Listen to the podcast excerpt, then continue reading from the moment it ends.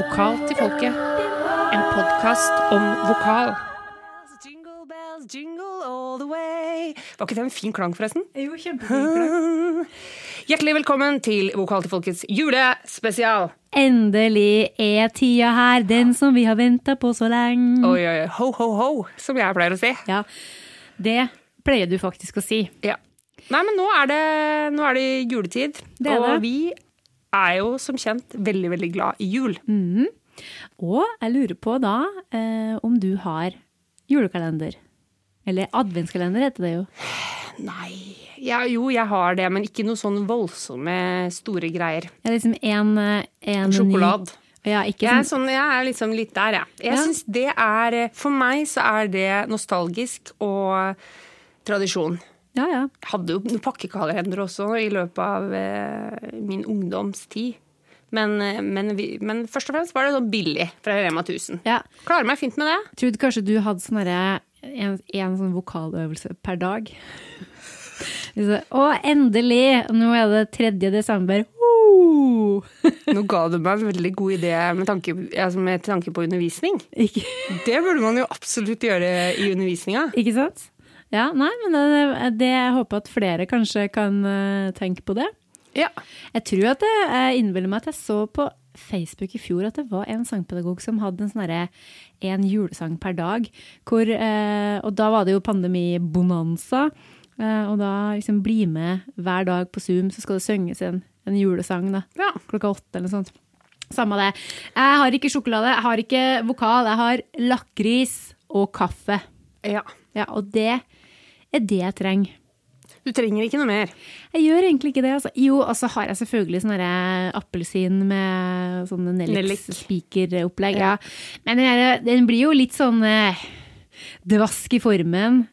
Det, den derre appelsina, da. Så det er jo noen andre i husstanden som syns det blir litt ja, litt voldsomt. Litt mye hender seg at det har tatt det, OK, det var kjempebra formulert. Det har vært en tendens til at det har mugla litt. Ja. Og det er jo ikke akkurat den gode, varme Julestemninga. Nei. Nei. Men uansett, vi håper jo at alle som hører på, og har ei veldig fin førjulstid. Absolutt. Og at kanskje den podden her nå kan være det. Hvis du mangler julestemning, så får du det nå. Håper vi. Ja, for vi har jo selveste julenissen med oss på, i studio. Om vi har!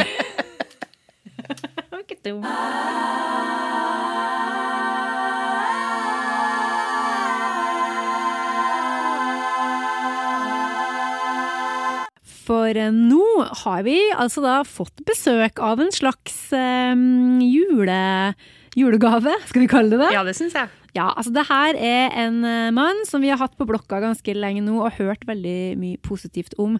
Og denne høsten her så har han jo vært veldig til stede på Instagram og i TV når det har vært snakk om sang.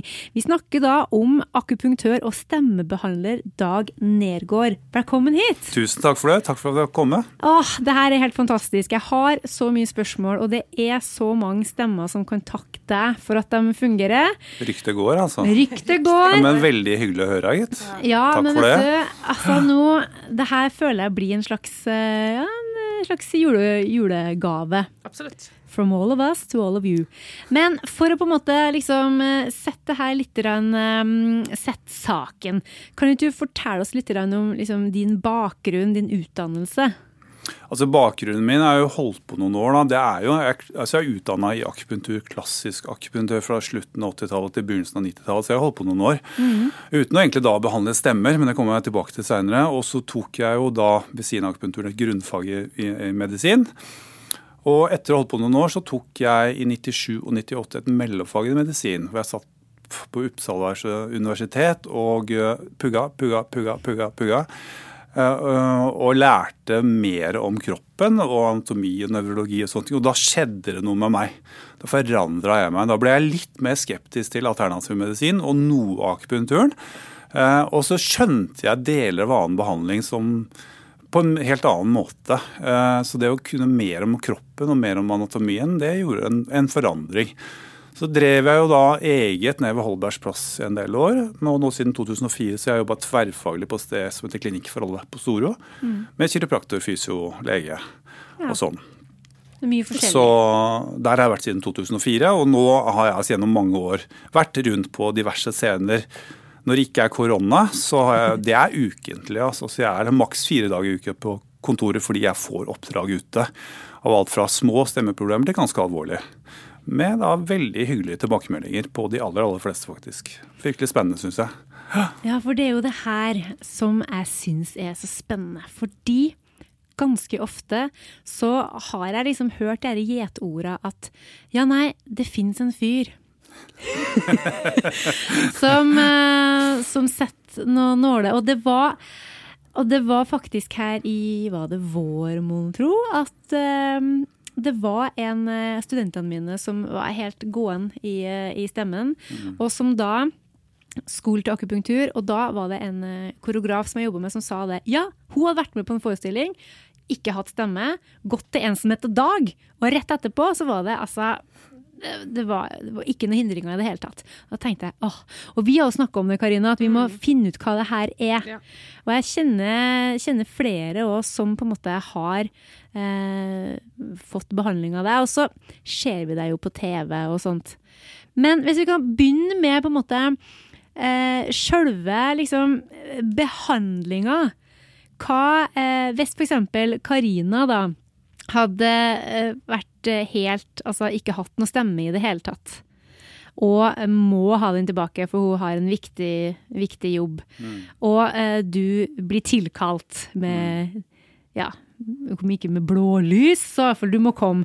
Hva, hva, gjør du da? Det er jo sikkert ikke noe sånn fasitsvar. altså, det er jo ikke ja. en uvanlig situasjon. da. Nei, Alt fra man mister et register til at, man er hes, til i de verste tilfellene Eh, er så å si stemmeløs. da. Mm. Og det jeg gjorde de første årene, var jo det lille man lærer innen akupunkturutdannelsen, å bruke akupunkturpunkter. Jeg syns ikke jeg fikk noe sånn voldsomt effekt annet enn kanskje litt placebo, bitte lite grann. Men så begynte jeg å tenke og undersøke, som jeg da ville gjort nå. Hvorfor har alle sangere, foredragsholdere, lærere som, som blir hese eller får trøbbel, hvorfor er det et eller annet med Altså hva som hindrer stemmen da, for å fungere, er spørsmålet. Eh, for mm, det er jo faktisk veldig ofte eh, ulike typer muskulatur som gjør at stemmebåndene ikke lukker seg ordentlig eller ikke beveger seg ordentlig. Eh, så jeg ville jo begynt med, Hvis du ikke har noe stemme, så måtte jeg begynt med å, det man kaller å palpere, undersøke deg. Er, kommer det fra noe skulder, kjeve? Hvor i halsmuskulaturen er det som er så stramt at stemmebåndene får null hjelp? Uh, og da begynte jeg på en måte altså, å forske på det. og de, NRK har jo brukt meg siden begynnelsen av 2000-tallet, så jeg har holdt på med et par år. da. Eh, og, og, etter hvert så begynte jeg å skjønne litt mer av det. Det er ikke selve stemmebåndene eh, jeg egentlig behandler. Altså, de gjør jeg ikke noe med. Da må man drive med sangteknikk osv. Men er hva hemmer stemmebåndene? Så jeg vil finne ut hvis du ikke har stemme. Mm. Hva er det som hindrer den? Altså være litt detektiv. Er det noe muskulatur her, og hvilken del av muskulaturen? Hvis du har litt stemme, så har jeg mer virkemidler å gå på. Ja. Uh, og da kan jeg gjøre alt fra å fortsette å undersøke hva slags muskulatur som gjør at stemmebåndet ikke fungerer bra, men jeg kan også gjøre en sånn vibrasjonstest. Uh, som jo ikke står noen så ærlig om i litteraturen og bøkene. og Det kan du kjenne på halsen din mens du går gjennom registrene hvor det vibrerer hvor det faktisk ikke vibrerer. Det er helt vilt. Og det krever jo selvsagt en sånn fingerspitzgefühl. Ja. At man kjenner hvor det vibrerer. For lyd er jo vibrasjon. Mm. Uh, og jeg har tenkt og fundert og vært iherdig på det her sånn. Og jeg kjenner jo da i halsen at her er vibrasjon, her er vibrasjon. Ah, ah, her er ikke vibrasjon, og der, og der, og der er heller ikke vibrasjon. Så kan man gå inn på de punktene hvor det ikke er vibrasjon. Eh, og stimulere f.eks. med en akupunkturnål for å få løst opp Det er ofte beinhard mus muskulatur akkurat der, i den delen av muskelen, for å få løst opp. Så tester man registeret på nytt, stemmeregisteret, og ser om man kommer gjennom skalaen.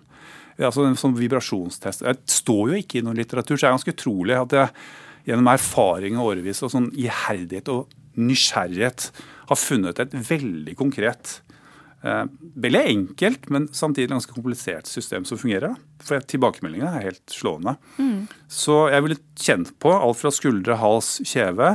Eh, litt stemme, så vil jeg også bedt deg bruke stemmen mens du snakker, eller hvis du klarer å gå gjennom registeret, for å kjenne hvor er det vibrerer i halsen, hvor er det ikke gjør det. Eh, så der ville jeg begynt. Og så ville jeg ikke gitt meg, hvis det er, eh, med mindre det skulle være en stemmebåndskade, og det er jo veldig sjelden når det er akutte ting som skjer, før du har stemmen tilbake. da. Og det er jo det han blir dratt ut i ulike scener om, og det er jo helt tilfellet. Det er jo ukentlig. Bortsett fra det halvannet året med korona. Ja. mm, da stoppa jo mye opp. Ja, fordi altså, vi, vi, må, vi skal snakke litt om, eh, om ditt virke på teatrene og sånn, men, eh, men eh, kommer det altså, vanlige folk til deg òg med stemmeproblem? Absolutt. Det er jo kan du si, av min praksis på en klinikk hvor du har hodepiner, nakke, hofte, skuldre osv., så sånne generelle ting, så er det jo nå snart ja, Det var vel en 20-30% som er ulike typer skuespillere, artister, sangere. og Nå er det snart 50-50% av det jeg driver med, bare stemme. Altså, det er mye. Det by, Ryktet begynner å gå på at det er effektivt for mange. Ja. Så mange som kommer, og mange korister også, og, og en del kjente mennesker. da. Um, både norske og noen internasjonale etter hvert også. Så ryktet begynner jo å gå, da. ja. Det gjør det, altså. Samarbeider du med, med liksom logopeder og, og sangpedagoger? Jeg er veldig opptatt av riktig sangteknikk, for hvis man står og presser feil, så, så vil det bli unødvendige spenninger som vil gjøre at stemmebåndene ikke får den støtten de skal ha. Så jeg har jo flere sangpedagoger jeg sender til, bl.a. en veldig dyktig en som heter Ole Thomassen, som, som jeg samarbeider mye med. Og hvis det er sånn at jeg mistenker at det ikke er det man kaller sekundær stemmeproblematikk, men, men primær. altså Hvis det er en skade på stemmen, så sender jeg til øre-nese-hals, da går man ned med kamera og ser på stemmebåndet om det er noen polypper, stemmebåndsknuter, noe heves vel ikke. Eh, Men det interessante er jo at eh, man står der med lite lyd og skal ut på en scene, og det er fryktelig sårbart. Og om man sjekker hos øre-nese-hals, så er det sjelden at man ser noe på selve stemmebåndet. Det er noe som gjør at stemmen ikke virker, altså sekundært. Og der kommer detektiven dag inn. Da begynner min jobb. Da klør i mine fingre. Da vet jeg at jeg har muligheter til å gjøre noe. Ja, ikke sant? Ja. Eh, og det ble jo etter hvert kjent for, for, for teaterne og Ja. musikal, altså vanlige teaterstykker. Og, og særlig musikalene har jo brukt meg Mm. mye, særlig de siste 15 årene. Men hvordan kom du liksom, hvordan fant teatret ut at eh, de måtte Ja, altså Det er en litt spesiell historie. Nå har jeg snakka nettopp med, med Frank Kjosås, eh, kjempeflink fyr. Og han sa du bare fortell i dag, det er helt greit. Eh, fordi han var nyutdanna fra Teaterskolen i 2006. Og mm, NRK er de som har brukt meg lengst, så da var det opp i Bit for bit. Der skulle han synge. Han hadde omtrent så mye å gå på. Vil du ha litt akupunktur, Frank? Ja, hva som helst! og NRK tilkalte meg, og det var første gang jeg møtte Frank. En ung, nyutdanna Frank, oppadgående sorry, holder. eh, Og skulle selvfølgelig første gang på TV og NRK og sånn. eh, Ikke stemme. Og det som skjer, og det ligger jo, det klippet ligger jo ute på YouTube fortsatt fra 2006, bit for bit. Han synger jo helt fantastisk etterpå. Det funka som bare rakkeren. Og han, da sier sier Frank til meg du skal til teatret. Og det gjennomførte han. Så siden har jeg på en måte Det Norske Teatret har vært mitt andre hjem. Og så etter hvert andre teatre også. Ja. Jeg har jo de fleste teaterne jeg er mye på nå. Da. Så det var Frank sin historie i NRK som dro meg ned på Norske Teatret. Og da fikk jeg jo på en måte utvikla den teknikken min mye mer, for det har jo vært på et eller annet teater hver eneste uke, så å si, i alle år, bortsett fra det ene året med korona. Så var det åpent i fjor høst igjen, og så stengte det ned igjen. Særlig Oslo var jo stengt. ikke sant?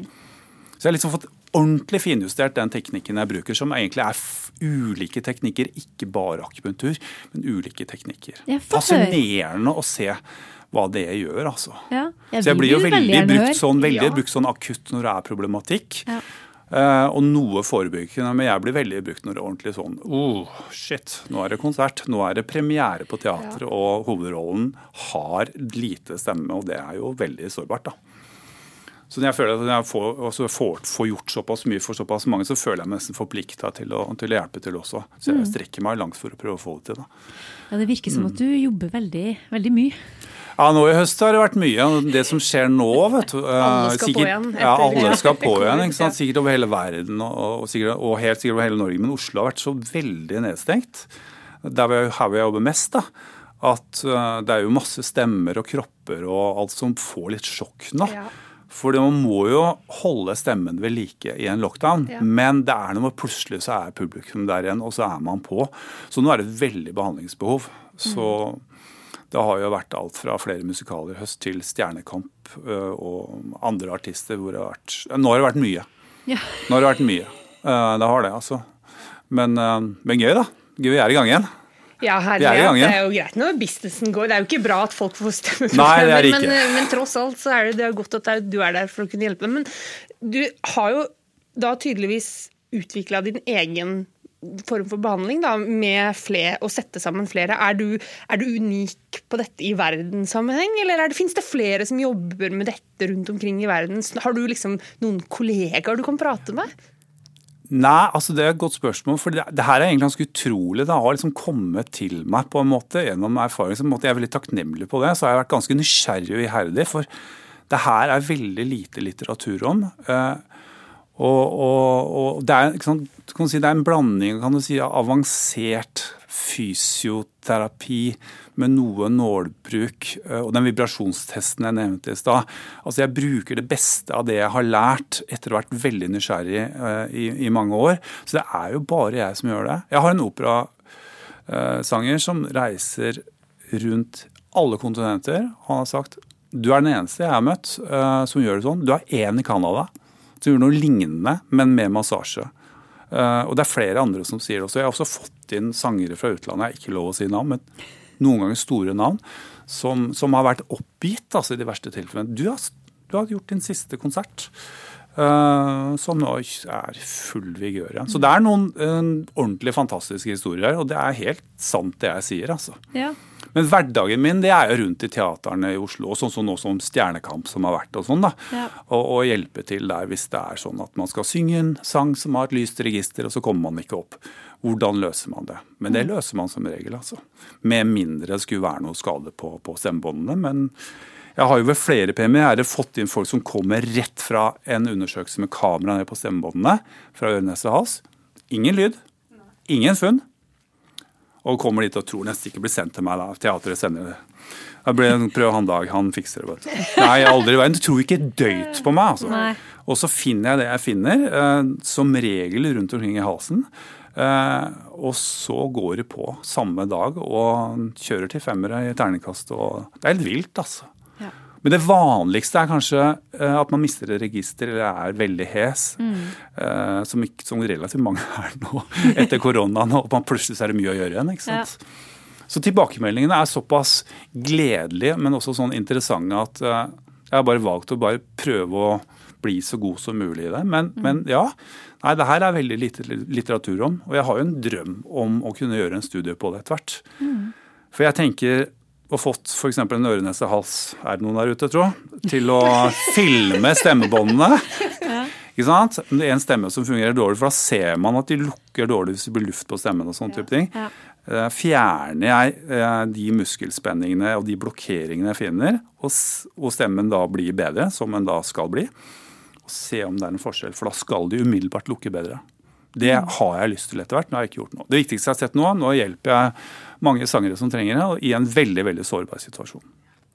Tro meg, man blir godt kjent med både kjente, toppkjente og helt ukjente artister eh, når de står der med dårlig stemme og, Ja. og, og salen står og venter på det. Det er så sårt. Og hvis jeg føler at jeg har fått den gaven og den nysgjerrigheten at jeg kan hjelpe faktisk ganske mange av dem, så føler jeg meg forplikta til å gjøre det.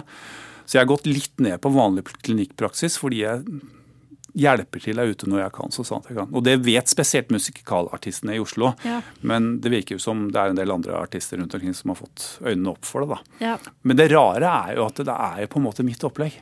Som jeg har utvikla gjennom 20 år. ikke sant? Eh, som jeg ikke helt skjønte så mye av i starten. Som nå begynner jeg å få ganske god kontroll på. Så jeg har jo de som sier du, nå mangler jeg det registeret. Ja, da er det antagelig den delen av muskulaturen. Fikse det. Ja, nå sitter det greit. Ha det. Det har jeg gjort bl.a. på Stjernekamp nå. Mangler et register. Da vet jeg antagelig hva det er for noe. Undersøker, behandler. Sht, synger igjennom. Og jeg er ikke Snåsamannen. Det er rett og slett noen av muskulaturen som sperrer stemmebåndet fra å fungere. Fordi jeg, altså, Er det blitt stemmebåndsknuter, så får ikke jeg gjort så mye. Nei. Eh, Men presser man fordi det er så mye spenninger at man presser og presser, og presser, så kan man først få hevelse. Fortsetter man da, polypp, verste tilfelle stemmebåndsknuter. Da er det litt for seint å bruke meg, eller da tar det tid. Ja. Men det er så mye stemmeproblematikk som er akutt eller underveis, som det er vanvittig gode resultater på.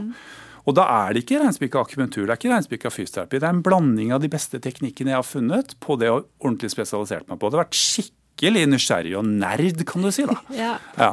Men det er så fascinerende. Jeg blir veldig eh, måte, sulten og nysgjerrig på å bare bli best mulig på det. Og eh, litt sånn takknemlig for at jeg får det til ofte, da. Ja. Hos de aller fleste.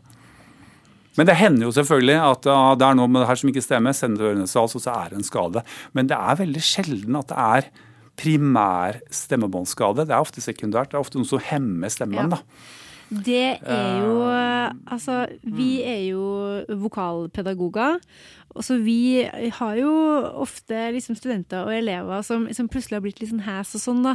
Og da eh, Og jeg tenker jo veldig ofte at det er jo for dem er sånn 'Å nei, nå har jeg fått stemmeknute!' Ja. Men som jeg sier, ja, det skal litt til før Riktig. det blir det, altså.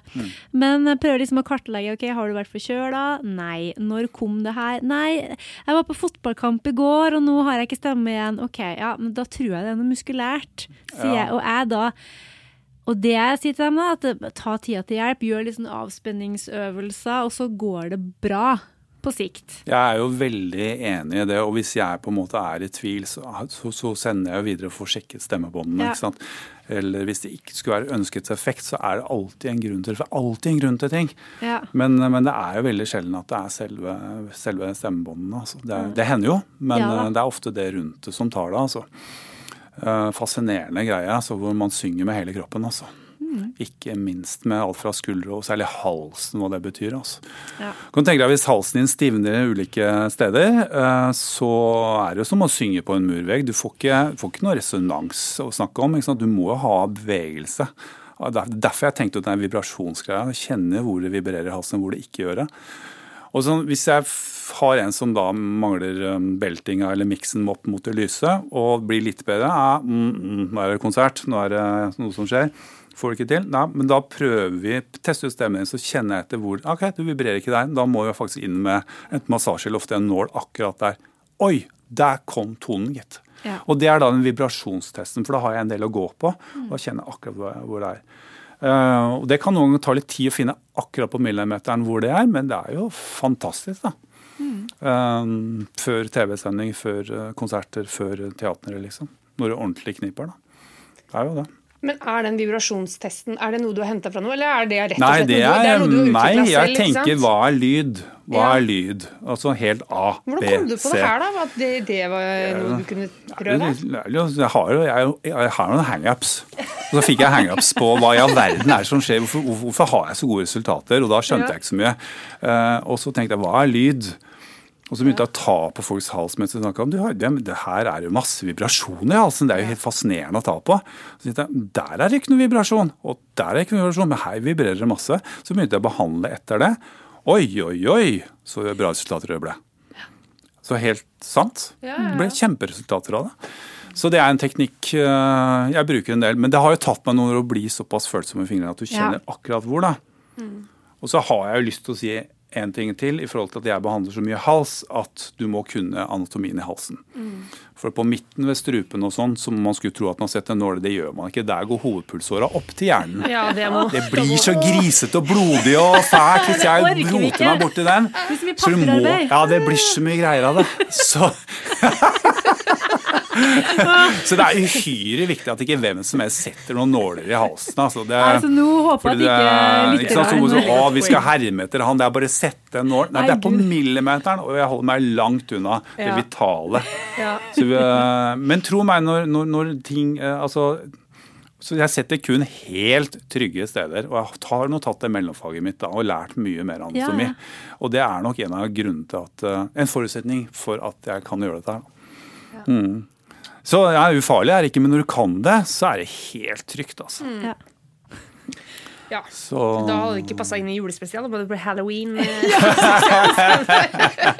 hvis du unngår, uh, unngår den der uh, strupen og sånn, vet Ja. så, så blir det jo julegave da, når stemmen kommer tilbake på en, på en trygg måte. Altså, jeg Men, Ja, ja, ja. men det er liksom Man skal kunne hals for å Ja. gå dit, og man går jo aldri i midten ved hovedpulsåret og langt derifra. Nei. Men åssen er det med disse nålene og sånn? Er det mange som er stressa for dem? Ja, eller? ja for det vil jeg også tro at det liksom, når du både stresser på stemmen, og så kommer det noen nåler i tillegg, og, og sånn, så Ja. det ikke, får du jo alltid lov til å Da sier jeg velkommen til Dags spa. Å ja, ja, ja. Så, det er en lur introduksjon. er, uh, men når de kjenner, så sier jeg ok, uh, nå jeg har ikke topptone, og jeg skal synge lyst, og jeg har tre soloer ikke sant, og på det lyset. Så sier jeg ok, da, du kjenner jo kanskje her oppe på den delen ah! Ja, hvordan visste du det? Ja, men det er jo det som påvirker topptonene dine, sånn rent konkret. Da blir jo folk interessert. Da er motivasjonen ekstremt høy for å tåle ja. par. Ja. For å få de musklene som tar bort eh, stemmekvaliteten på toppen. Mm. Så da finner man seg mye. Og så har det selvfølgelig med tillit å gjøre. Hvis ikke man har tillit til meg, så tror jeg ikke man orker. Det er sikkert de som ikke tør, men det er mange som går gjennom den lille smerten for å få løst opp når, når Ja. vi hører og kjenner at, eh, at stemmen kommer tilbake. Men jeg lurer på en ting, um, og det er når du da eh, For nå blir det litt sånn akupunktur for dummies her. For det er sikkert eh, For jeg har ikke noe erfaring med det sjøl, så jeg vet ingenting. Og så er det sikkert noen som hører på oss, som heller ikke kan så mye om det. For det, det er altså snakk om å sette noen tynne nåler inn i en eh, stram muskel. Ja, altså det er jo det det ofte gjør at du går intermuskulært, altså Ja. inni muskelen. Og så er det jo ikke bare å sette den og den muskelen, for når det gjelder stemme, så er altså det er altså så fint, liksom. Så du må vite akkurat hvor i muskelen du skal inn, hvor dypt, og hvordan du skal få det til å slippe. Og da er det som, du må være ganske nøye på det. Ja. Eh, Men det er engangsnåler, mye tynnere enn sprøyter, er ikke så veldig dramatisk. Og jeg prøver å gjøre en god undersøkelse så det ikke blir så mange nålene, for å få løst opp der det er hensiktsmessig. Ja. Eh, Men tilbakemeldingene er jo overveldende er på det. Så det er Ja, det er jo ikke smertefritt, men når du kan det, så er det helt greit, altså. Ja. Og tro meg, har du stått foran, foran en stor forestilling eller konsert og ikke hatt stemme, og den kommer tilbake, så er vi venner for livet, altså. Ikke sant? Det vil jeg tro. eh, altså vi er det. Du vil alltid komme tilbake hvis det er noe da. Så jeg har jo mange venner i musikalbransjen, blant annet. Som jeg kaller venner. Jeg Ja. føler jeg kommer ganske tett på dem i sårbare situasjoner. da. Ja, ikke sant? Og de stoler jo på meg. Mm. Og den, den her tynne, tynne nåla går da Du setter intermuskulært. Og, hva, og da er den, eh, den muskelen er da, det, da er det en blokkering eller en spenning der. Ja, Den er som regel superstram, Ja, så stram stram. at du ikke får noe bevegelse altså, i den. At da stemmen ikke får noe hjelp. For det trengs masse muskulatur rundt stemmebåndet. Så det blir for trangt, det blir for, de får ikke noe hjelp. Og da hemmer du bevegelsen av selve stemmebåndene. Eller det lukker ikke ordentlig. Mm. Ja. Og da når den nåla kommer inn, hva skjer da? Da får du ofte en eh, refleks i muskulaturen at den egentlig så irriterer man muskelen slik at muskelen drar seg altså Nå snakker jeg ikke stemmebåndene, stemmebåndet, men i muskulaturen, muskulaturen rundt, rundt, om det er ja. Mm. kjeve eller hals eller hvor det er, nakke eller eh, hva som er låst her eller stramt her. Den får en sånn kontraksjon som det heter, at den drar seg enda mer sammen. For når det irriterer litt, og da blir den så overspent at da må Ja. begynne å slå kontra og begynne å åpne seg. Men hvis det sitter hardt, og, du har vært sånn, og det, det er jo ofte litt sånn alvorlig når jeg blir dratt inn i bildet, så må du jobbe litt for at den muskelen skal slippe. Og da gir jeg meg ikke før den slipper, og da kommer stemmen nesten alltid bedre. Hvis du er på riktig sted, da. Og det er jo min jobb å gjøre. Og min iherdighet å skulle finne ut av. Og hvis det da har blitt bedre, men mangler litt, så går jeg på den vibrasjonstesten. Da kjenner jeg mens de tar skalaen, eller bare snakker, hvor det vibrerer i halsen, og går inn der det ikke vibrerer. Ikke Jeg har sant? seinest gjort nå ved et par stemmeløse forrige uke, faktisk, som Ja. har fungert. Ikke sant? Veldig konkret. øh, Litt vanskelig, men mye enklere nå enn før, fordi nå gjør jeg det hele tiden. Ja. Men ikke sant? Så nå, Fascinerende, syns jeg selv. altså. ja, og jeg syns det er kjempefascinerende. Så jeg prøver liksom, nå prøver å både se for meg, liksom nesten kjenne etter. For da, når muskelen da på en måte da, For da er det, er det så eh, er det faktisk så konkret at når du da har satt i den nåla, og den, eh, den muskelen da på en måte åpner seg, da er den, er den da mer Hva skal jeg si eh, Mjuk og fleksibel? Eh, Blir det riktig? Ja, elastisk. Elastisk, ja, bevegelig. Bevegelig. Vibrerer igjen. Ja. Når man skal lage lyd, så vibrerer muskelen. Den er ikke som en jernstolpe som Nei, ikke sant. vil bevege seg. Og det har mye større eh, virkning og mye mer å si enn det som har Mm. vært kartlagt. Så jeg er veldig enig, sånn som du sa i stad, at eh, Prøv å slappe av. Prøv, altså det går over. Det er ikke stemmebåndsknute første kvelden, for det er det ikke. Da har man pressa ganske lenge, altså. Ja. Eller sunget feil. Da. Og så er det noe med det at jeg sender videre til teknikktrening til sangpedagog og, og, og, og logopeder og sånn. Men det er jo vanskelig å gjøre riktig teknikk hvis det, det halve halsen din står i fullstendig spenn og du ikke får brukt den delen. Da må du kompensere. Du, er, du er nødt til å guffe på for mye, og da sliter det på stemmebåndene. Og gjør du det over lang tid, så er min klare erfaring da kommer det hevelser. Da Ja. kan det komme polypp, og i verste tilfelle stemmebåndsknuter. Ja. Men det skjer ikke over natta. Nei. Men, du, men, det, men det som er litt risiko eh, Nå er ikke det så aktuelt pga. korona, for nå må, er det ikke sånn at man går på scenen med, med feber.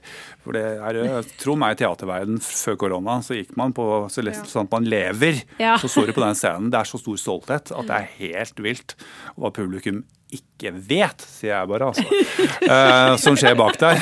Så de går jo på uansett hva jeg sier omtrent. Altså, så, altså det eh, hvis du synger på for lenge, særlig synger litt hardt på en feber og forkjølelse, så risikerer du at det blir litt sånn primært stemmeproblematikk etter hvert. Så da kan det lettere komme hevelse på stemmebåndene. Og da må du jo eh, holde munnen noen dager for å få ned hevelsen.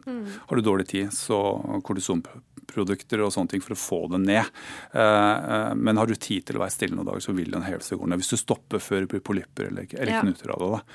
Og det skal man være litt obs av. fordi noen ganger så kan det være selve stemmebåndet som kan bli skada. Og det må man ha respekt for. Da har det blitt skada, så ja, det er ikke meg. altså. Da er det liksom litt mer eh, trøbbel og andre ting. altså. Ja. Men det er jo veldig veldig ofte at det er ting som hindrer eh, hvordan stemmen faktisk fungerer. Eh, som jeg mm, har sånn iherdig prøver å finne ut av. Da. Og da gir det, det gir faktisk umiddelbart resultat. altså. Og Det kan ta fem minutter, og det kan ta en time og et kvarter altså, før jeg får det til. Men, og så lurer jeg på, for at nå, la oss si da at da, nå later vi nok en gang som at det er din stemme. Ja, det liker jeg. Ja, og det, du har vært så stramt her! Ja, ja, såpass, ja. Og så setter du Du får løsna opp, da, så at eh, muskelen blir elastisk og god. Så at du kan gjøre konserten. Men hva skjer eh, dagen etterpå? Vil da muskelen liksom gå tilbake mm, til det stramme igjen, eller er den da åpen? Helt enig med deg. Du sa godt spørsmål, det sier jeg også. Ja, det var et fordi godt at, spørsmål. eh, fordi wow. at eh, hvis du klarer å gjennomføre uten å stresse, og at stemmen fungerer såpass bra og får såpass god støtte, så går den ikke tilbake. Det holder seg. Men du er som regel stressa hvis du er stemmeløs, eller delvis stemmeløs, da, som ofte er tilfellet. Eh, Rett før du skal på. At man eh, er såpass at det funker en kveld eller to, og så kan det gå noe tilbake. Ikke til, ikke til store problemer med at stemmen ikke er helt topp, eh, og da trenger man en behandling til. Men det er jo sjelden jeg har folk inne hos meg mer enn to-tre ganger. Eh, faktisk. Altså, funker det, så funker det raskt. Altså. Ja, og jeg ofte står jeg der, så har jeg ok, det er, det er forestilling om to timer. Det er om halvannen time. Og jeg har stått noen ganger i pausene, altså. Uh, hvor man har mista underveis. Uh, jeg har noen vitner på det. Og, og, og, og, og noen tilfeller så er jeg veldig opptatt av halsen, så det slipper jo ikke halsen. Så kan det være fra nakke eller overgang fra skulder som strammer sånn at halsen låser seg. Så det er ikke så lett alltid. Nei. Men ja, det har vært noen situasjoner opp igjennom. øh, Men man får jo erfaring etter hvert. Og, og, og ja, det er ganske ekstremt noen ganger. Men det har så, jeg får så gode tilbakemeldinger at det er jo en fryd. Det høres kanskje ut som jeg tuller, men det er helt sant det jeg står og sier. altså. Ja, du, men det, Mm. det vet jeg at det er, for jeg har hørt altså, så eh, mye skryt og gode ord. Og, men er det noen som bruker deg som sånn forebyggende, eller som, som en del i en sånn treenighet, at de går til sangpedagog, og kanskje også til logoped og til deg? Det er helt riktig, og det er jo målet på en måte da, å prøve å unngå at det blir alvorlig. Og, og holde blokkeringene og spenningene unna, så man går kanskje alt fra en gang i måneden til hver tredje måned eller et eller annet sånt, og går til sangpedagog, logoped, holder teknikktreningen ved like, passer på at det ikke låser seg i skulder og hals, eh, og er forebyggende. Og det er det mange som gjør etter hvert. Det var det ingen som gjorde i starten. Husker jeg kom ned med godt utdanna skuespillere på, på teaterne var til Teaterhøgskolen, som er en høy utdannelse. Og har spenningene her noe å si for stemmen min, liksom? Det var liksom ganske fremmed. Jeg var helt sjokkert. Selvfølgelig har det det. Mm. Men nå er det liksom blitt uh, mye mer gjengs at man tar hensyn til det. Men ja, jeg har eh, mange sangere som kommer kanskje annenhver måned som forebygger. Eller når du kjenner at det drar seg til eller før viktige perioder, og forebygger. Ja. Og jeg har jo mindre av de alvorlige tilfellene nå, iallfall de som kjenner til meg. Fordi de kommer med en gang de kjenner at ah, nå begynner jeg å miste et mm. register, nå begynner, nå begynner det å låse seg i halsmuskulaturen eller ja. kjeven eller skuldrene og sånt, og kommer med en gang da. Mm. Uh, og så har du de akutte situasjonene som fortsatt skjer. Og da må man løse det så godt man kan. Mm. Og det er utfordrende. Men det er fryktelig gøy når det funker, da. men altså, jeg bare tenker, det må jo Jeg kjenner at jeg tror jeg, Det er jo en, det er en fantastisk yrke, men jeg, jeg, tror jeg hadde blitt veldig stressa hvis jeg sto bak der med liksom masse med skuespillere eller sangere som liksom åh, det, nå gjelder det. Og det er liksom kvart, å, det er kvarte pause, og nå er det bare å jo, ah, Blir du ikke stressa? Jo, det kan du si virkelig noen ganger, men samtidig, det kicket Hvis du lykkes, da ja. Ikke sant? Hvis ja. du står der, du avhenger av deg. Så går det ikke, da. Det eh, så er det det bare, Du må, jeg må legge, legge de negative tankene vekk. og bare, Hva, hva er greia? Det, det, er alltid en årsak, tenker jeg. Eh, nå må vi puste med magen, både jeg og den jeg skal behandle. Ja. Finne ut av det og prøve å løse det. Og bare legge adrenalin og stress og alt sånt til side og bare gjøre jobben. Eh, og det er en trening. Det er mulig jeg har det litt fra barndommen da, med en producer av en mor i NRK som jeg så jobba under stress, og jeg vet hva showbiz sånn sett eh, dreier seg om. Men, men, det er helt riktig, du kan ikke gi etter for negativitet når det mm. står en full sal, og det står på meg om den artisten eller skuespilleren kommer seg ut. Så det er litt av et kick, men det er utrolig befriende hvis du får det til. Ja. Og når du har gjort det noen ganger og det faktisk ja. fungert veldig bra, så får du mer selvtillit. Uh, men uh, Dægeren døtte, ja.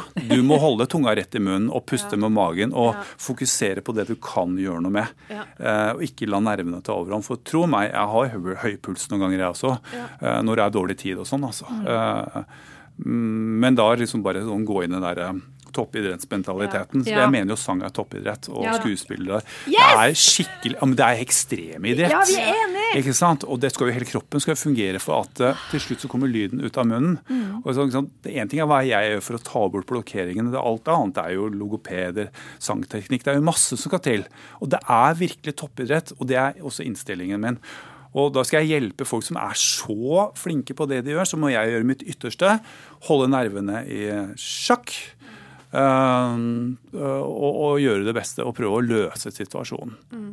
Så blir jeg litt sånn fankeren ta, altså der skal jeg fikse. Altså, hvis det er en mulighet til å gjøre det, da. ikke sant? Ja.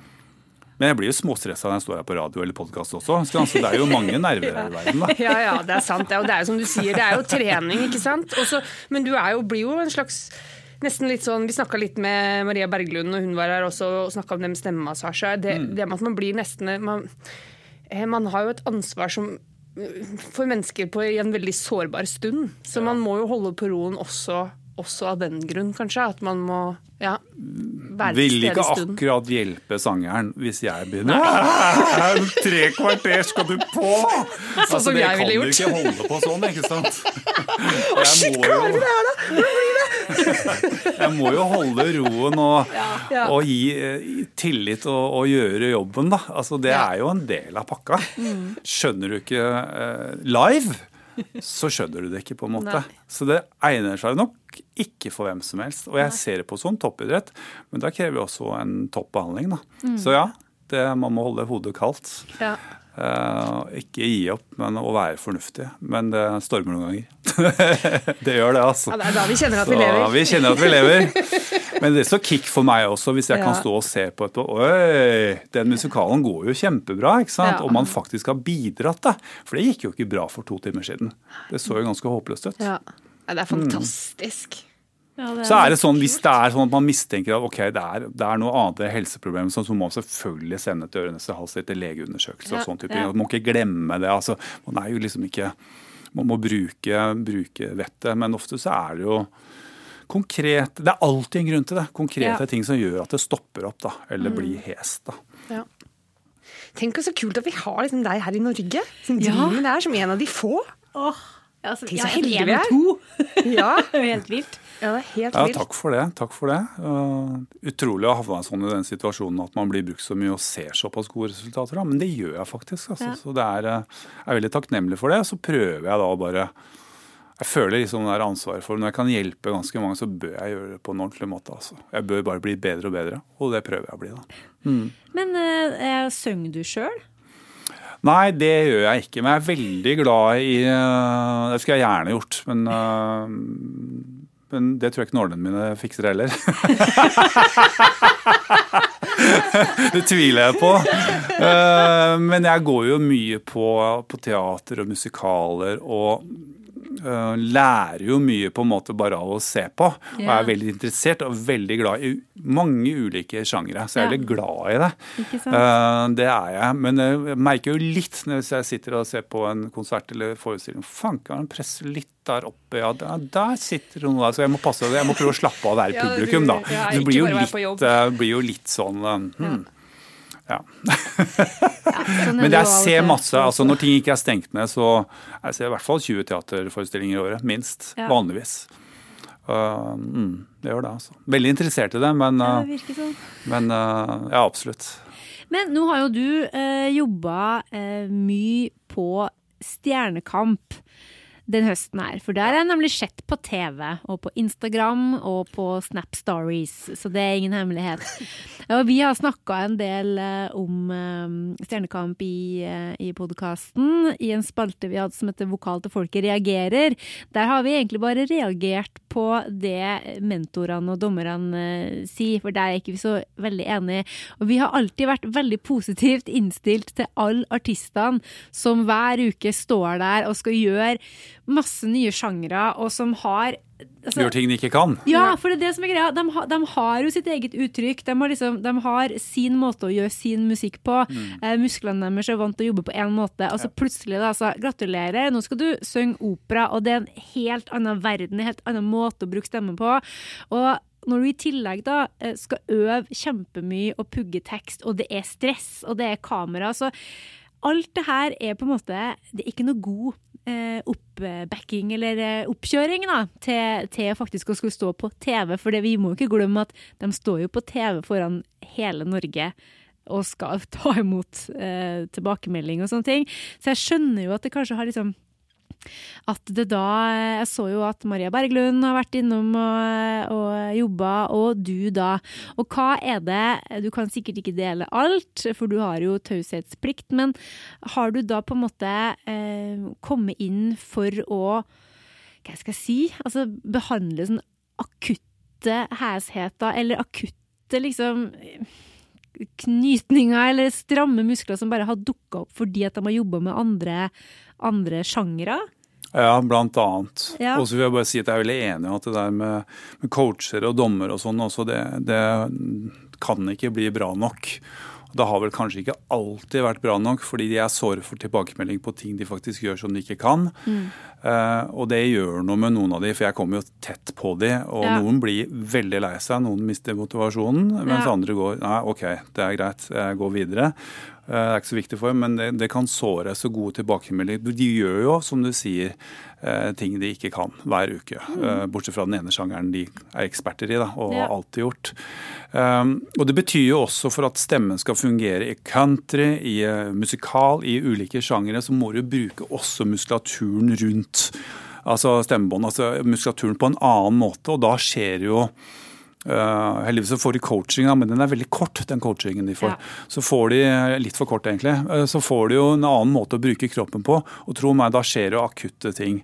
Uh, at du får låst muskulatur på en annen måte som du ikke har opplevd før. Og, og Det var sånn jeg ble dratt inn allerede i første sending i år. Jeg tenkte de må holde på noen ganger før jeg blir tilkalt. Men så har jeg vært med for første gang. For det er jo veldig uvant. Pluss at det er Altså, du har kameraet midt i fleisen, og det er alt fra tre kvart million til en million som du ser på. liksom. Så det, det er et press, og en unik eh, mulighet for de som ikke er kjente.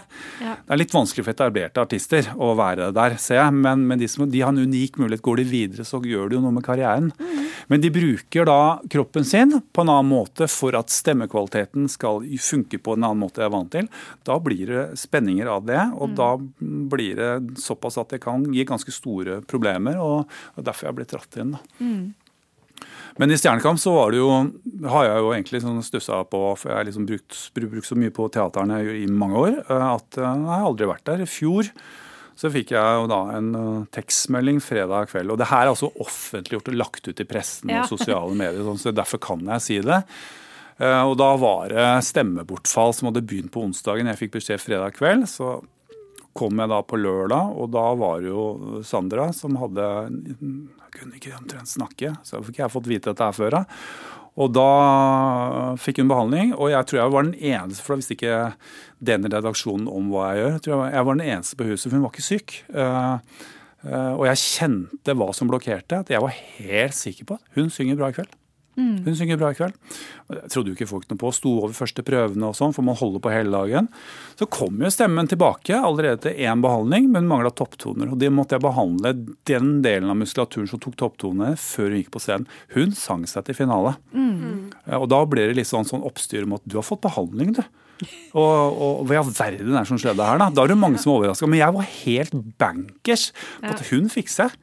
Men jeg så jo folk rundt meg i NRK-reaksjonen. De trodde ikke døyt på hva jeg drev med. ikke sant?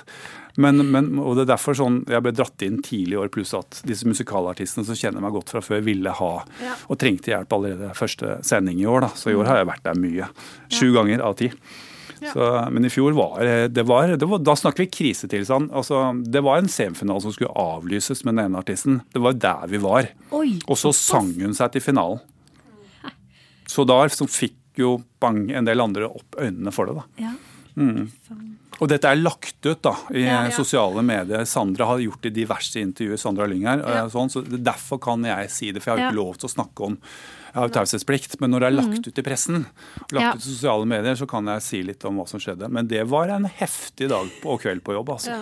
Ja, ja, Når du sier det, så husker jeg det. At, eh, for jeg så den episoden, jeg husker hun sa enten at hun, hun bare sa at hun har fått noen nåler, eller at hun hadde vært akupunktur, eller om hun sa navnet ditt. Jeg husker ikke, men jeg, jeg skjønte jo hvor hun hadde vært, eller hvem som hadde vært ute med den lille kofferten med the needles. og tenkte jeg ja da, der var han igjen, han må vi ha. Du hadde hørt om meg i fjor, altså? Ja, men da, Det er jo lenge siden jeg først hørte om deg, Altså. Det er mange år tilbake. Han har jo vært på lista vår hele tida, Ja, ja, ja. Karina. Ja. Absolutt. Men, Jeg tror det eh, er flere som har vært innom her som har anbefalt deg også. ja, Kanskje Ole Ja, jeg vet ikke. Var det kanskje Ja, jeg vet ikke. Ja, jeg tror det er flere som har, eh, Ja, har han nevnt deg. Han samarbeider ganske tett med Ja. Thomassen. Jeg lurer kanskje på om han også nevnte deg. Men jeg har jo hatt mange artister opp igjennom, da. Ja. Som uh, uh, Jeg føler meg ikke noe kjent, eller noe sånt heller, så jeg synes det er veldig rart å høre det. Men samtidig så er jeg nok kjent i særlig musikalmiljøer og etter hvert i artistmiljøene. Jeg, jeg ser jo at ryktet sprer seg, da. Eh, men det er litt uvant å stå her og ha kamera, eller ikke kamera, men mikrofonen midt oppi, oppunder nesa og skulle si noe. For jeg er jo vant til å stå bak og hjelpe andre, da. Ja, men men det er gøy å, formidle, gøy å formidle Ja. det man gjør. Ja, ja, ja. Fordi jeg får jo så god tilbakemelding på at det faktisk fungerer, og det Ja. fungerer raskt. da. Ja, og Vi har jo veldig mange sangere og sangpedagoger som hører på. Så, Og hvis de ikke vet om deg, så må de jo få vite om deg. Ja, men da, da, da har jeg på en måte et budskap å si. Det, at eh, det jeg kan gjøre, er å få bort de sperrene som gjør at stemmen fungerer bra. Da vil jo en sangpedagog også eh, kunne gjøre en mye bedre jobb. fordi da har man jo altså Da er det ikke noe som er blokkert i utgangspunktet. Da kan man lære teknikken lettere inn. For hvis du er veldig stram på nedre eller øvre del av venstre side i halsen, så vil det man måtte presse for å få ut de tonene man ønsker. Og da kan teknikktrening hjelpe litt, men ikke marginalt. Men når, hvis jeg får åpna opp så det ikke er noe sperre for stemmebåndene, og da jobber med sangteknikk, wow, da utvikler man seg. Men em, hvordan er det nå, da? Altså, Hvis man sitter f.eks. i Bodø og hører på den uh, poden her og kjenner at det begynner å stramme seg litt, skal man da hive seg på første fly ned til Oslo og hoppe på det beste, eller er det andre ting man kan gjøre? Altså I Bodø og andre steder vil jeg jo si at bruk noen logopeder og sangpedagoger, eventuelt en god massør og sånn også, for å få Mm. løst opp eh, spenninger. Eh, Gjør det. Eh, Er det et vedvarende problem som ikke går over, så går det jo fint an å ta kontakt med meg som kanskje har mest erfaring på det, Ja. eh, rett og slett. Det gjør det. Eh, Men jobb med sangteknikken, veldig veldig viktig. Eh, Jobb med stressnivå, få nok hvile, få nok fuktighet i kroppen, så ikke det er tørre slimhinner. Um, ikke stå og synge uten å puste med magen og bruke støtte uh, med, med, med skuldrene oppunder øra. Altså, jobb med det, få litt veiledning på hvordan du, du jobber. Eh, så kan man gjøre mye. Hvis det er såpass at det ikke funker allikevel, så er det jo lov å og plinge på, altså, eller sende meg en tekstmelding eller komme en tur til Oslo. Ja. Men det er mye de kan gjøre selv, ja. Um, så og jeg har jo alt fra rockere liksom, til klassiske sangere. Alt mulig som kommer til meg. Mm. men uh, sangteknikk og, og det å slappe av i kroppen og bruke støtte. Jeg tenker på skuespillere også, for jeg er jo nettopp innom um, Nationaltheatret. Og, og der var det pga. emosjoner som skal ropes høyt ut. Det er nesten verre, fordi når du synger, så er det ofte er de proffe eller klar over at de skal bruke støtte og, Ja. og være obs på det. Men du skal liksom være fortvila eller kjærlighetssorg eller 'Å, nå døde mor' på scenen, ikke sant. Og skriker ut, da. Hvis du da glemmer støtten der også, så går du rett i halsen på deg. Ja. Ikke sant? Så det er sånn, sånn I teaterverden på ikke-musikalene så må man på en måte varme opp stemmen. man øh, noen, noen var- synger seg ned eller snakker seg ned etterpå, og man må bruke maksstøtte, slik at man ikke presser i halsen, altså, Ja. men bruke hele kroppen. Som igjen, jeg sa i stad, det er toppidrett, og du må bruke hele kroppen. Um, jeg husker jeg hadde en operasanger for mange år siden som sa vet du hva, it's a figure of speak, da, men man bruker minst 400 muskler da, for å kunne synge optimalt. Altså, det skal jeg ikke si at det er 400 som er tallet, men man bruker hele kroppen. Ja. Pusten, muskulaturen, støtten, alt. Uh, det er Og stemmebåndene på en dame er to centimeter, litt mer på en mann, men de er bitte små, og at de skal gi den perfekte lyden ut av det er for det første helt utrolig. Uh, men det krever hele kroppen er med, altså. Ja. Mm, det gjør det. Det krever hvile, krever trening. um, det krever noen gang behandling. Ja. Krever teknikktrening. Og Karsten Warholm, hadde han tatt et år fri uten å trene, så hadde ikke han tatt verdensrekord på 400 meter hekk. Nei, altså. det akkurat. Jeg hadde ikke det. Eh, Du må holde det ved like. eh, Og du må varme opp, hvis ikke så får du en strekk i leggen. Eller en strekk i halsen, og så stopper hele stemmekvaliteten din. Så du må holde det ved like. Det er eh, å ære være de som er over 60 og 70 år som synger reint fortsatt, for du blir stivere med årene. Og de må jo øve desto mer, da, og holde kropp og helse ved like. Ja. Men du har jo et par stykker da, på over 70 som synger kjempebra. Og mange som da måtte gi seg. For ofte blir registeret litt smalere ned med årene. Fordi man blir jo Alderen gjør jo at vi blir litt stivere. Ja. Ikke sant? Så ja da. Men, Ja, det her kunne vi snakka mye om, altså. Mm, ja, og, og jeg tenker en liten ting til jeg må bare spørre deg om. For at jeg vet ikke hvordan det er med, med dine uh, elever, Karina. Men, men eh, ganske mange av mine studenter syns jo det er litt sånn kjedelig hvis vi skal, eh, når vi skal ha en sangtime, og jeg vil at vi skal strekke på halsen og tøye kjeven og Syns det er litt kjedelig. Og da sier de Men jeg har, jeg har varma opp. Jeg har snakka i dag. Og jeg tenker at ja, men men bør vi ikke uansett, før vi skal synge eller snakke veldig mye, bare Det skader jo ikke å ta bare et ekstra minutt med, sånn, med tøying på halsen. Ja. For det er noe med bare å liksom Ikke det at de skal nødvendigvis bli varme, men at de skal bare væ- være liksom, Aktiveres på et vis. Du, Det er overhodet ikke noe som helst kjedelig med det. Det er snakk om å være profesjonell. Eh, og som igjen, den der 400-meteren, 100-meteren, 60-meteren du skal løpe, gjør det uten å varme opp, du. Og du får strekk, så du ikke kan gå på fire uker, ikke sant? Eller løpe på fire uker. Det er kjempeviktig, det du sier. Um, og det er jo de, det er ulike måter å gjøre det på. Det er de som på en måte liksom jogger rundt uh, og blir allment varm. Så er det de som masserer opp litt muskulatur og tøyer og strekker. Jeg er veldig veldig for at man er varm i kroppen fysisk. Eh, for da er jo mer elastisk muskulatur er rundt. Eh, all muskulatur rundt stemmebåndene, jo mer vibrerer jo og hjelper det stemmen. Så jeg er jo veldig enig i det. da. Ja. Klart du må varme opp og bli varm i kroppen. Har du ikke gjort det før, så selv om du er rocker, så må du det. altså. Kommer til en viss alder, så må du i hvert fall det. Ja, Ja, ja, ja, ja. man blir jo litt stivere i årene. Man må Ja. det. Jeg er veldig veldig enig i det. Jeg tror jeg skal ha som et sånn at jeg eh, skal tvinge studentene mine til å liksom tøye på time. Vi kan gjerne bruke fem minutter på liksom klargjøring. For det hender seg jo at man, fordi man har så mye man skal igjennom da, på 45 minutter, så liksom eh, pleier jeg ofte å spørre har du sunget noe før i dag. Ja, OK, flott, da gønner vi på. For enkelte så går jo det fint, men hvis man bare uansett kan venne seg på det at OK, nå skal jeg jobbe med instrumentet mitt, da tar jeg de fem minuttene. Og for noen så vil jo det være å hoppe opp og ned eller springe rundt og bli sånn gjennomvarm.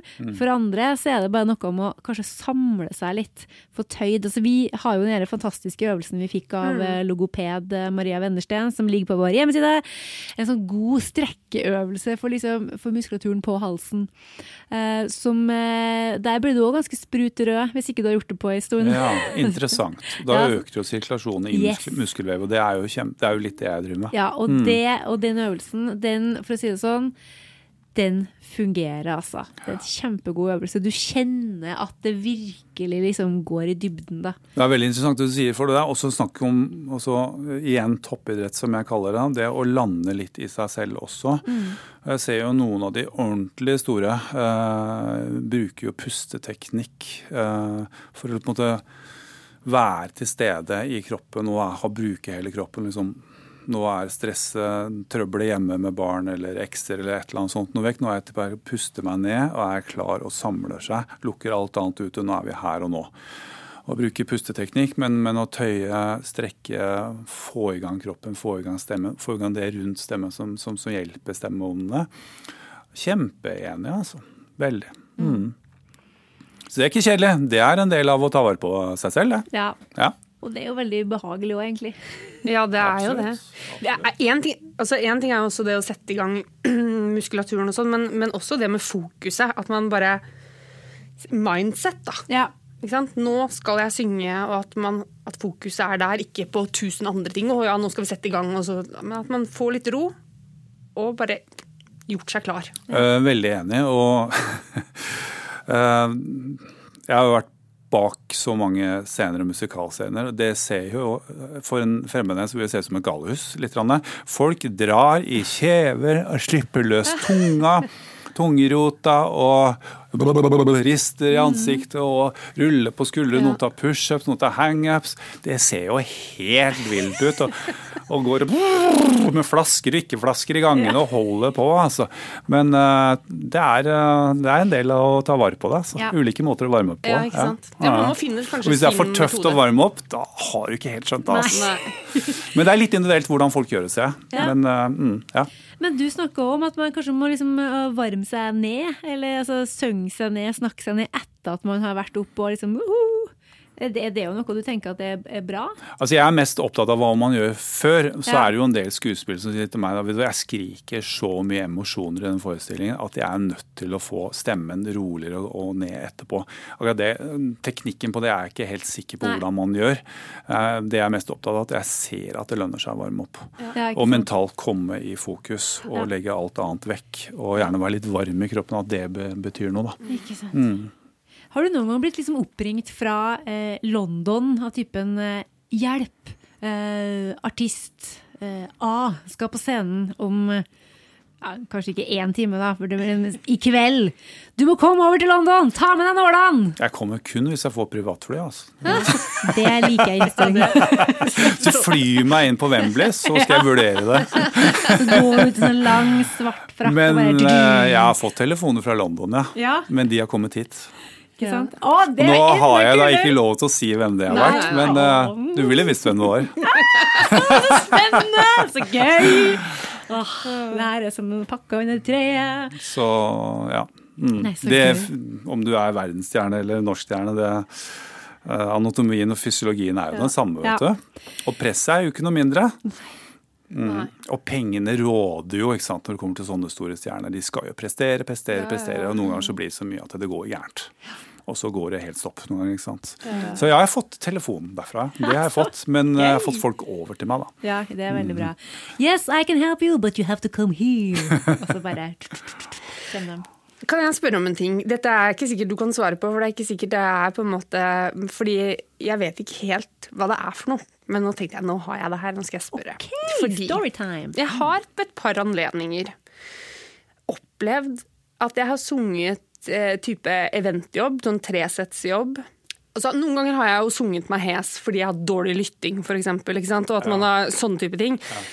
Men det er ikke det jeg snakker om nå. nå eh, har jeg, det er et par, et par anledninger så har jeg opplevd at jeg mot slutten, for eksempel, av- på- i tredje sett, eh, syng, kjenner at nå, nå kommer det en heshet. Eller nå, eh, nå forsvinner lyden. Og så har jeg tenkt å nei, å nei, nå har jeg sikkert hatt dårlig monitoring, eller det er et eller annet sånt nå, kommer jeg til å være hes. Nå har jeg sunget meg hes, eller sunget på en ugunstig måte. Men så, så går jeg av, og da har ingen har lite, eller kanskje mista toppregisteret helst, da. Så går jeg av, og så går det bare Så går det kanskje fem minutter, og så har jeg lyd igjen. Vet, hva, vet, hva kan det være for noe? Altså, du mister det i noen minutter. Jeg mister det. Altså, nei, jeg kan miste det mens jeg synger over lengre tid. Mens, og mens jeg synger og er aktiv, så er, det, så, er det, så, så er det ikke lyd i toppen. Eller det er på en måte Nei. jeg er hes i toppen, da. Eh, og at, eh, ja, at det er mindre lyd i toppregisteret. Men så, går jeg, så kan jeg gå av og tenke at å nei, nå må jeg gå og legge meg, fordi nå har jeg sunget meg hes. Men så kommer den altså tilbake igjen. Når jeg, Idet jeg slutta å synge det er, helt det er helt merkelig. Det er ikke sikkert du har svar på det, men eh, jeg har Men det opplevd det to ganger nå. Ja, okay. Men kan det, være en, kan det f.eks. være en muskel Jeg vet ikke, som da i det Nei, jeg vet jo ikke hva jeg snakker om. så Det er det, det, det, det ly, lyseregisteret du Ja. snakker om, toppen din Ja. altså. Ja, jeg tror jo hvilken muskel mens du står på som antagelig blir så sliten og så overanstrengt mens Ja. du står på at den knyter seg øh, og påvirker toppregisteret, det lyse, slik at det Ja. blir dårlig. Og når du får pusta litt, så løsner den litt av seg selv, og så kommer stemmen tilbake. Vil jeg tro. Ja, ikke sant? Uh, vil jeg tro. Ja. Ja, for det, det er akkurat nesten sånn. Men det, føles. skjer det ofte, eller? Nei, nei, det har bare Hvis det skjer ofte, så bør du jo sjekke stemmebåndene sånn Nei hos ørene Nei, hals. Men, det det, men det er antagelig fordi at adrenalinet gjør jo en jobb. Det er derfor det er så farlig å gasse, gasse, gasse. Ja. For adrenalinet hjelper deg gjennom en del situasjoner. Ja. Til slutt så holder ikke det heller. Nei. Og når du er på, og, og kan f.eks. øvre del av halsmuskulaturen din, som jeg vil tro at det er, øh, blir så sliten at den på en måte går nesten i en krampe, går skikkelig lås, så, så, får, så mister du toppen, eller det blir Ja. vanskelig. Eh, og hvis ikke har eh, og hvis det er sånn når du endelig bare får noen minutter å slappe av litt av, og den slipper opp igjen, så er stemmen der. altså. Nettopp. Ja. Jeg vil tro det er at den knyter seg når du blir sliten. Ja. og Da blir det dårligere toppregister, og så slapper det litt av. Så har den ikke knyttet seg mer enn at da løsner den litt av seg selv. Da får Ja. stemmen støtte, slik at uh, du får under lyset. Det høres ut som det er det som er greia. Ja. Jeg kan For godt sjekke den muskulaturen på deg etterpå, altså, den uh, ligger og lurer der. Ja, Altså. det hører. Ja. Nå har jeg akkurat vært sjuk, altså det er ikke sikkert du får så mye ut av det, men vi kan prøve. Um, nei, altså Nei, jeg vet ikke. Det er bare For Jeg jeg, for nok jeg er jo. Jeg synger jo Jeg føler jeg synger, synger på en sunn måte når jeg står der sjøl, og uh, så lenge jeg ikke har problemer med lyttinga, så går det jo som regel fint. Mm. Men, uh, men av en eller annen merkelig grunn så plutselig bare kan jeg kjenne Nei, nå er jeg plutselig Men dårlig lytting og dårlig lyd gjør jo at man må, må presse mer, og Ja. det blir mye større og flere stemmeproblemer Ja. av at man har dårlig feedback eller dårlig lyd. som man, Da presser man på, for man hører jo ikke seg selv så godt. ikke sant? Men jeg vil jo si til eh, ditt forsvar at det høres ut som du har bra teknikk i og med at stemmen kommer tilbake av seg selv. For da har du ikke, da har du ikke pressa så mye at det fullstendig går i lås og blir, det, det, det blir sånn. Da har du på en måte gjort noe riktig, men det blir litt for mye. For noen muskler så blir de slitne. Ja. For en liten pause allerede da, så er du bedre. Så det er et sunt tegn på også. Ja, det er godt. Det er det. Men det å ha god lyd og, og lytte på seg selv slik at man ikke ligger på 120% liksom, men ligger på, det holder på 70-80-90 egentlig. Det er mer enn nok hvis du har god lyd, for da har du kontrollen og du holder igjen litt. Ja. Hører du ikke hva det er for noe, og det er masse adrenalin, så hyler du ut fordi, og gir ofte litt for mye. Og, og jeg ser noen ganger når man får bedre lyd på scenen, så er det oi, da er jo halve teatret i en bedre form med en Ja. gang. Eh, Eller hvis alle har, eh, har trøbbel, så, så hvordan er det med lyden hos dere? Ja, Eh, Hvordan får hører og sånn, det er ikke uvanlig at jeg ser det. Nei, men det, var, det høres Og så er det jo interessant, da, sånn som Må vi kunne si det uten å nevne navn. så Vi har jobba mye med Mamma Mia-gjengen, da, som er på Folketeatret og selger som et uvær, som de gjør over hele verden. Så er det jo visse muskler da, i det derre lyse, nesten helt lyse, litt rare, litt vanskelige ABBA-registeret. Mm. Det er noen muskler der som går igjen, som alltid stivner. Eh, og jeg kan sånn, det er fascinerende å se, altså. Det samme stedet blokkerer seg. Eh, for det er liksom vanskelig og Det er forferdelig vanskelig musikk å synge, ja, synes det er jeg. det. det er det. Og da, da, det må du bruke musklene på en litt annen måte. Det er Ja. samme sted som låner. Hvis jeg har fem stykker der som skal på scenen, så er tre eller fire av de samme sted som har lukka seg, og det påvirker stemmene.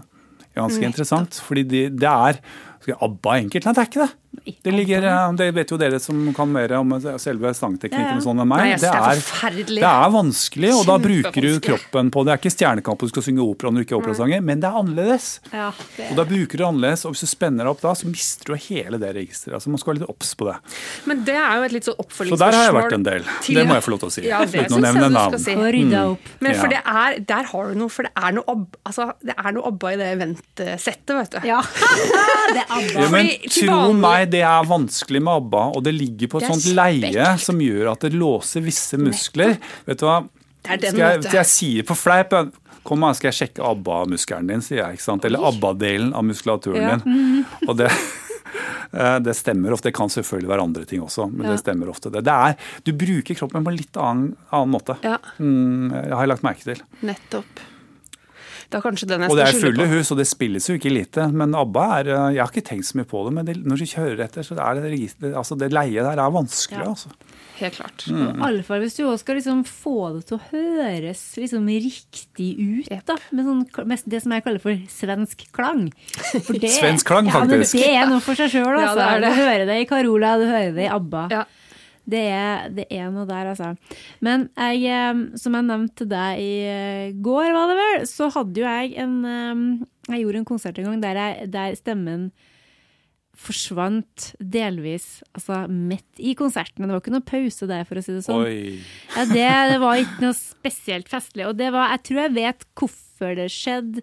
For det, jeg kan ikke skylde på noe lytting eller noen ting, men vi hadde, vi hadde på en måte generalprøve eh, samme dag som vi skulle ha konserten, og jeg var, jeg var kjempegira på generalprøven og sang og sto i og var helt vill.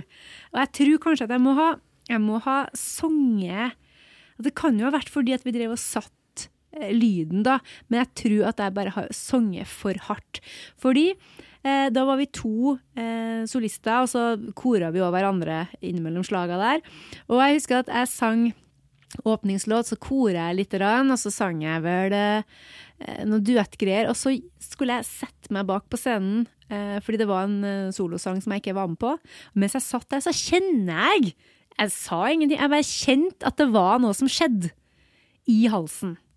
Eh, og jeg tenkte ja vel. Og så begynte jeg liksom å hmm, mm, Og det kom ikke noe lyd. Åh. Det er liksom bare sånn Mm. Sånn der. Og så skulle jeg gå frem og, kore, da. Og det var jo veldig Det jeg gjorde, da, var at jeg sto ganske langt unna mikrofonen når jeg skulle gjøre koringa mi, så jeg kunne synge med litt volum. For da visste jeg at altså Jeg vet at hvis jeg bare gønner på, så kommer det jo noe. Og det er jo, ikke, det, det er jo ikke noe bra, men jeg måtte jo bare gjøre det. Du kan gjøre det for en kort periode, det går Ja. fint, men gjør du det hele tiden, Ja. da blir det trøbbel på selve stemmebåndene. ikke sant? Og så Mm. skulle jeg jo da synge eh, kveldens eh, sarte ballade. Oi, oi, oi.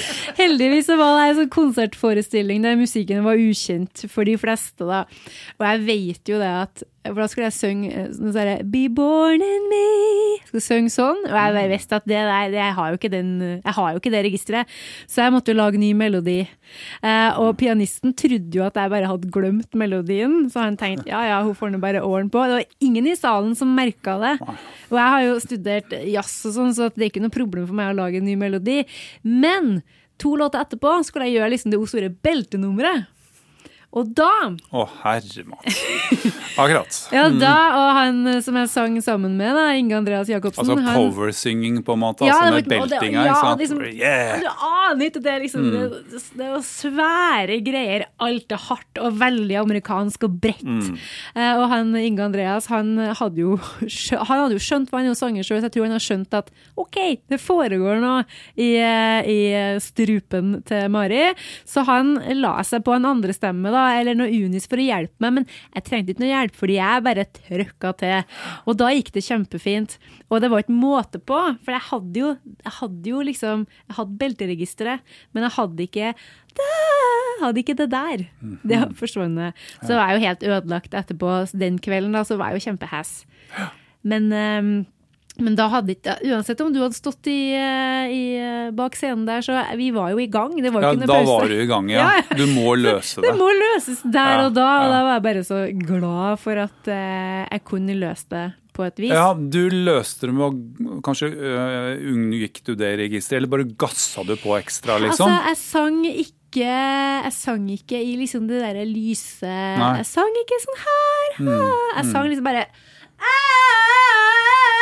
For det var der. Det var ikke noe problem. Ja, ja. Og det visste jeg, for det, er jeg ofte Og der kommer vi til den andre greiene, at hvis det er sånn at man over tid, eh, kveld etter kveld etter kveld etter kveld, må stå og unnskyld uttrykket, gønne på og bruke så mye kraft for å få kontroll på stemmen, og nærmest skriker ut, for da gir du så mye gass at da tar du kontrollen. og Det kan du gjøre en periode, men det, da, da knocker du litt ut musklene som du samarbeider med Ja. i halsen, slik at stemmebåndene får jo kjørt seg noe skikkelig. og Gjør du det ofte nok, så kan du jo det føre til en hevelse Ja. av stemmebåndene, som igjen over tid kan bli polypp. ikke sant? Ikke sant. Så en gang iblant, så gjør- og man gjør Ja. jo når man står der live. Det er det jeg mener live er så Det er det mest fantastiske jeg vet.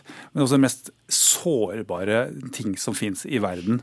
Uh, og publikum vet jo ikke alltid at man må løse ting underveis. Nei, eller, rett, eller rett før man skal på, da. ja. Hengende med meg halvveis rundt halsen ikke sant? fem minutter før man skal på. Altså, Folk vet jo ikke det, men det skjer jo mye om man må løse ting underveis. Ja. Live er live, ass! Ja, det er det. Live er live. Virkelig, altså. Ja.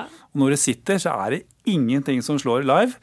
Men herregud, når det er problemer, så er det, så er det heftig. Det er heftig. Mm. Ja, det er jo forferdelig. For du, du, du skal ut og synge, og det bare Jeg vet ikke om det går! Så jeg tenker jo at Du løser jo det der veldig elegant og veldig riktig, men du skal ikke stå og skrike og hyle og belte på Nei, det jo hver kveld, for da Nei, vil det før eller seinere sette seg, ikke sekundært, men på primært, altså på selve stemmebåndene. Ja, for det som er problemet da, tenker er jo at de, der, de beltelåtene, som egentlig, altså, som egentlig beltes på en eh, fin og sunn måte, blir jo heller ikke belta på en fin og sunn måte når du kjenner det at OK, men her, her, her er det en stemme i opprør.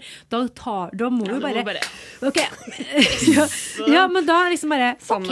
Ja, nå vet ikke jeg helt hva som skjer, så jeg bare må, uh, må trykke på. Mm. For hadde på en måte hadde hadde vært eh, øving, så hadde jeg bare slutta å synge og sagt at Ja. Sorry, men nå fungerer ikke hornet, så nå får folk bare øve uten Mm. meg, og så kan jeg sitte her og lese tekst og alltid liksom bare knipse når jeg skal inn. Men eh, folk hadde jo betalt og satt der da, og vi var i gang.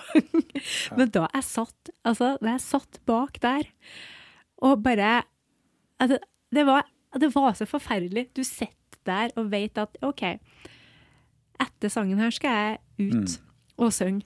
Og jeg er usikker på om instrumentet mitt holder. Og det holdt i stad! Er ikke sjuk, har sovet godt, livet er herlig. Hvorfor funker det ikke? Hva er det som foregår nå? Og når man da liksom smiler og rusler mot mikrofonen og har liksom god sjøltillit, og bandet begynner å spille, og du er liksom yeah, og så skal du kore, og så bare usikker på hva som kommer, ikke sant? Det er forferdelig. Ja, det er, det, er så, det, er, det er så kjipt, og det er så sårt og så sårbart. Det, er jo det å ikke vite om det faktisk funker. Å stå der liksom og brette seg ut. Føles Ja. som man står uten klær liksom, foran publikum. ikke sant? Um, du kan tenke deg noen ganger, sånn som på lørdagene, hvor når det er doble forestillinger på en del musikaler, og det ikke stemmen der, så er hoved, noen av, altså skal du kore, så kan, og det er mange på scenen, så kan det alltid en eller annen gjemme seg bort, fordi resten tar over Ja. med hovedrollene, hvis du ikke har noe sånn stille for deg, og du skal ha en dobbel en lørdag, du mangler noe register, eller har nesten ikke, du er usikker på om det hele tatt funker. Ja. Da føler jeg, da, som da har såpass god erfaring med å få raske resultater, at jeg, jeg strekker meg langt for å prøve å hjelpe. For jeg Ja. får så vondt når jeg hører av den opplevelsen, Ja, ja. og av sangerne, da. Når de står der, og de skal stå foran eh, eh, noen hundre på teateren, eller 1400 på Folketeatret, eller 1000 på Chateau Neuf, eller hvor det er. ikke sant? Og det vet ikke om lyden kommer. ikke sant? Mm. Eh, og vi hadde en sånn ekstremlørdag som var for, ikke, for noen uker siden nå, da, hvor uh, jeg var på tre uh, teatre på samme lørdag. Skjønner du? Ja, men det går, det. Det går fint, det. Man kan ikke holde på sånn hele tiden, men det var da var jeg borti i to av de teaterne og sånne, sånne ting. Men da, da var det en grunn som jeg fant ut årsaken til, og da gikk det fint som bare det. Mens det tredje teatret, der var det mer sånn, det var, det var småtteri, det var ikke noe å snakke om. Det to var ganske alvorlig. Men folk blir jo så glad, vet du. Ja. For da funker det. Og når jeg da får til sånne ting eh, en god del ganger, så føler jeg jo for at eh, da må jeg på en måte benytte meg av det og prøve å hjelpe til. da. Mm. For jeg blir ikke steinrik av det jeg driver med. Jeg har, jeg har ikke stones, det kan jeg si. Må gjerne bruke komme, og Adele og sånn. Um, one day, sier jeg. Jeg har en sånn visjon om det. Adele og eller Stones. Um, så, men, men det er det å føle at man faktisk bidrar og gjør noe. Da. Det, det, det gjør noe med meg som gjør noe godt. Jeg føler jo at jeg er til nytte. Da. På mitt rare lille sett, men det betyr jo massivt når du står der foran eh, publikum og du ikke har stemme, og du vet at nå får du behandling som faktisk funker. Ja. Eller som har funka. Mm. Men det er gøy for meg òg, det. Jeg blir like glad hver gang. Altså, som jeg har gjort det Ja. i mange år nå. Altså. Så fantastisk. Jeg syns det er så flott. Og på Stjernekamp og for den saks skyld, eller altså teaterne, men også, også Stjernekamp, hvor vi snakka litt om det. Er det noen der? på en måte? Er det noen sangpedagoger eller noen innom? Så jeg syns det er så flott at de nå bruker deg, og, og at du er tilgjengelig der. Det måtte jo en ekstremsituasjon til Ja. i fjor, da, med fullstendig en semifinale som gikk fløyten, hadde ikke vært for behandling. For, Ja. og det er helt reelt tilfelle. Eh, og så skal det sies at de har jo mast ganske bra, artisten gjør, på at jeg skal komme bort. ja? Ja, man trenger, så Skal man stå der og gjøre toppidrett og prestere live på ting som er uvant, så krever det også behandling. Ja. Eh, og det krever litt hvile, og det blir jo ikke alltid så mye av under Stjernekampen, kan du si. da.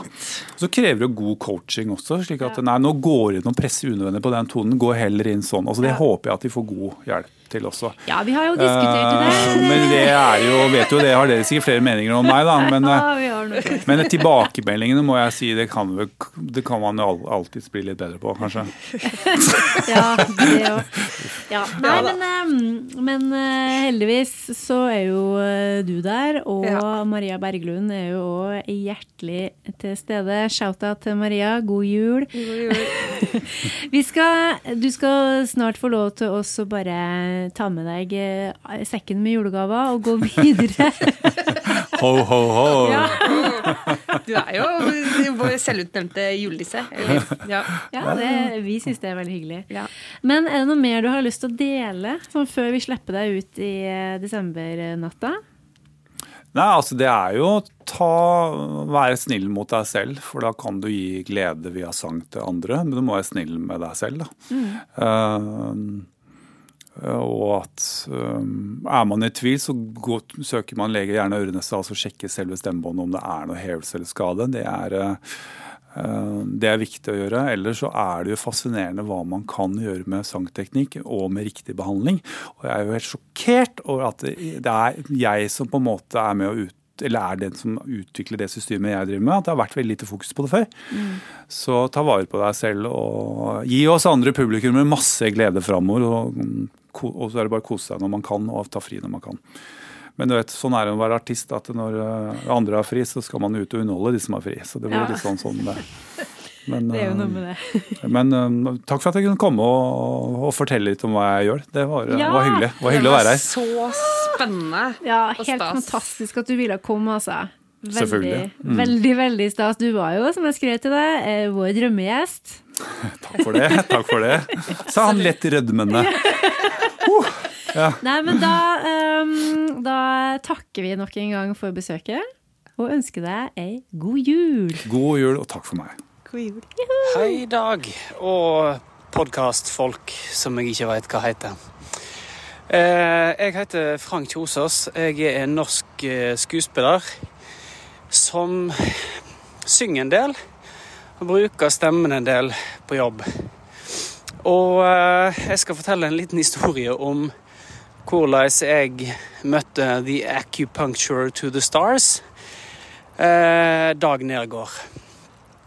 Jeg var rett og slett på, på eh, NRK på opptak til et lite program som heter Beat for beat.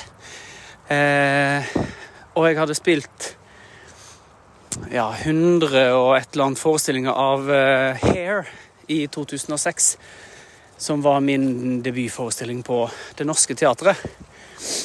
Og eh, det er en krevende musikal når du synger høy tenor. Og jeg hadde ingen stemme. Jeg våkna på en søndag når det er opptak, og eh, hadde ingen stemme. Altså sånn Ingen stemme på den måten at jeg, jeg kunne ikke Dette var måten jeg snakka på! Det var ingenting der! Og jeg eh, kjørte oppvarming og alt sånn standard som du gjør når du mister stemmen som skuespiller. Eh, men det skjedde ingenting, og jeg sa til NRK at eh, jeg kan ikke gå på. Jeg har ingen stemme, jeg kan ikke synge. Og vi skulle jobbe i fem timer. Og plutselig så sier de sånn Men vi har en fyr som vi av og til bruker.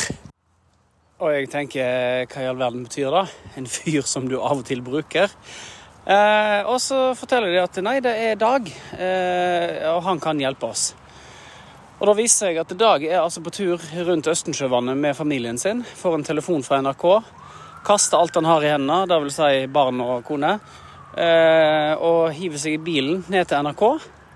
Setter seks nåler i min halsmuskulatur, altså de to store biffene som er liksom rundt svelg og adamseple og alt dette styret her.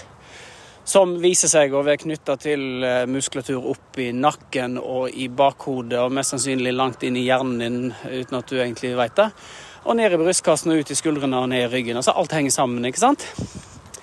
Og så går det altså fem minutter, og han eh, Eller rettere sagt, jeg får stemmen tilbake.